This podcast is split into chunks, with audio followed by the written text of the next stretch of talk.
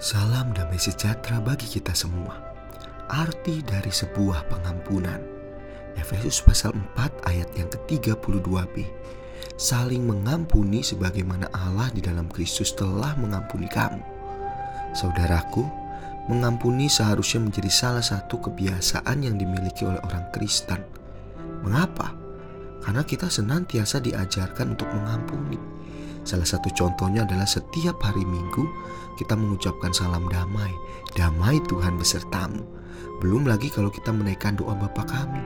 Dan ampunilah kami dari kesalahan kami. Seperti kami juga mengampuni orang yang bersalah kepada kami. Coba bayangkan betapa indahnya kalau semuanya itu dilakukan dengan kesungguhan hati, ketulusan hati. Namun sayangnya untuk mengampuni dengan tulus itu tidak mudah. Mengapa? Karena kita mungkin sudah terlalu banyak terluka. Kita lebih menonjolkan keegoisan kita.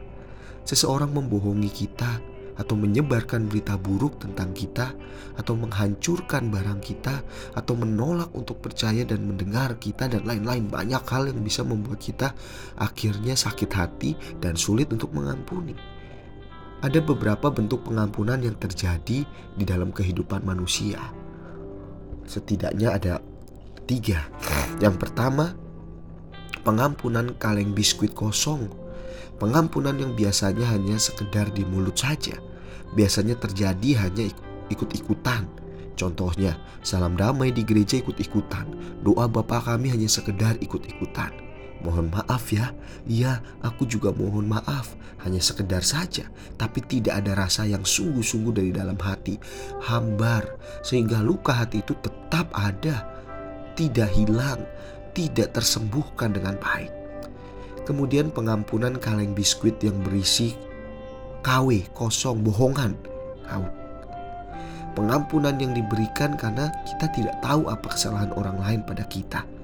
Tapi kalau tahu kesalahannya tidak akan kita ampuni.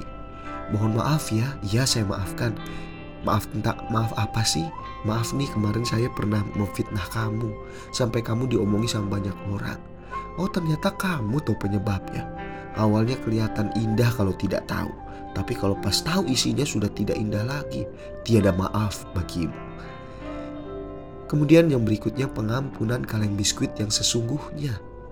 Pengampunan yang diberikan bukan karena apa-apa, tetapi karena dari hati. Seperti saat seseorang menyakiti, tulislah di pasir tetapi saat orang itu berbuat baik, tulislah di batu. Mengapa? Karena kalau saat ada orang menyakiti kita, kita tulis di pasir, sekejap itu hilang. Tetapi kalau perbuatan baik orang lain kita tulis di batu, mau seperti apa pun hujan badai tidak akan hilang.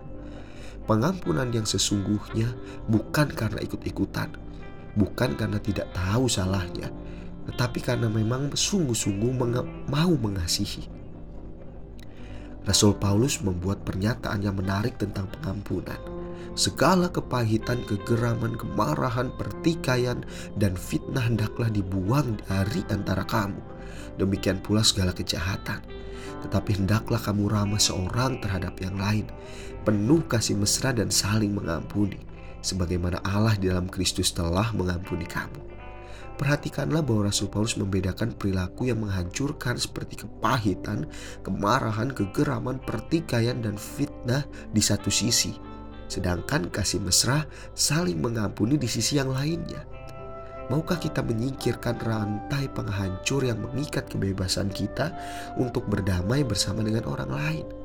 Satu kunci untuk membuka rantai itu adalah pengampunan. Tetapi Mengampuni memang bukanlah sebuah hal yang mudah, tidak mudah. Bagaimana saya bisa melakukannya? Rahasianya terletak di dalam ayat ini. Saling mengampuni sebagaimana Allah di dalam Kristus telah mengampuni kamu. Kita mengampuni sebagaimana Allah telah mengampuni kita. Bagaimana itu? Jika kita bisa belajar beberapa hal dalam pengampunan Allah, kita bisa tahu bagaimana kita bisa mengampuni. Kita mungkin telah merasa dilukai, disakiti, dihianati, dan lain-lain yang membuat kita ada jarak dengan orang lain di sekitar kita. Oleh karena itu, Tuhan ingin setiap kita mengampuni seperti Dia mengampuni kita dalam Kristus. Mengampuni bukan melupakan, melainkan berdamai dengan luka hati kita, memulihkan luka hati kita. Dan untuk berdamai dengan luka hati kuncinya bukan dari orang yang telah menyakiti kita, tetapi dari dalam diri kita masing-masing. Maukah kita membuka diri kita untuk dipulihkan oleh Tuhan? Masuk dalam proses pemulihan bersama dengan Tuhan. Dengan melakukan itu semua, maka kita akan merasa lebih baik secara emosi dan fisik. Kita akan menikmati hidup lebih baik, dan pastinya kita akan selalu menemukan Tuhan di jalan hidup kita. Itulah arti dari sebuah pengampunan. The Lord bless you and keep you.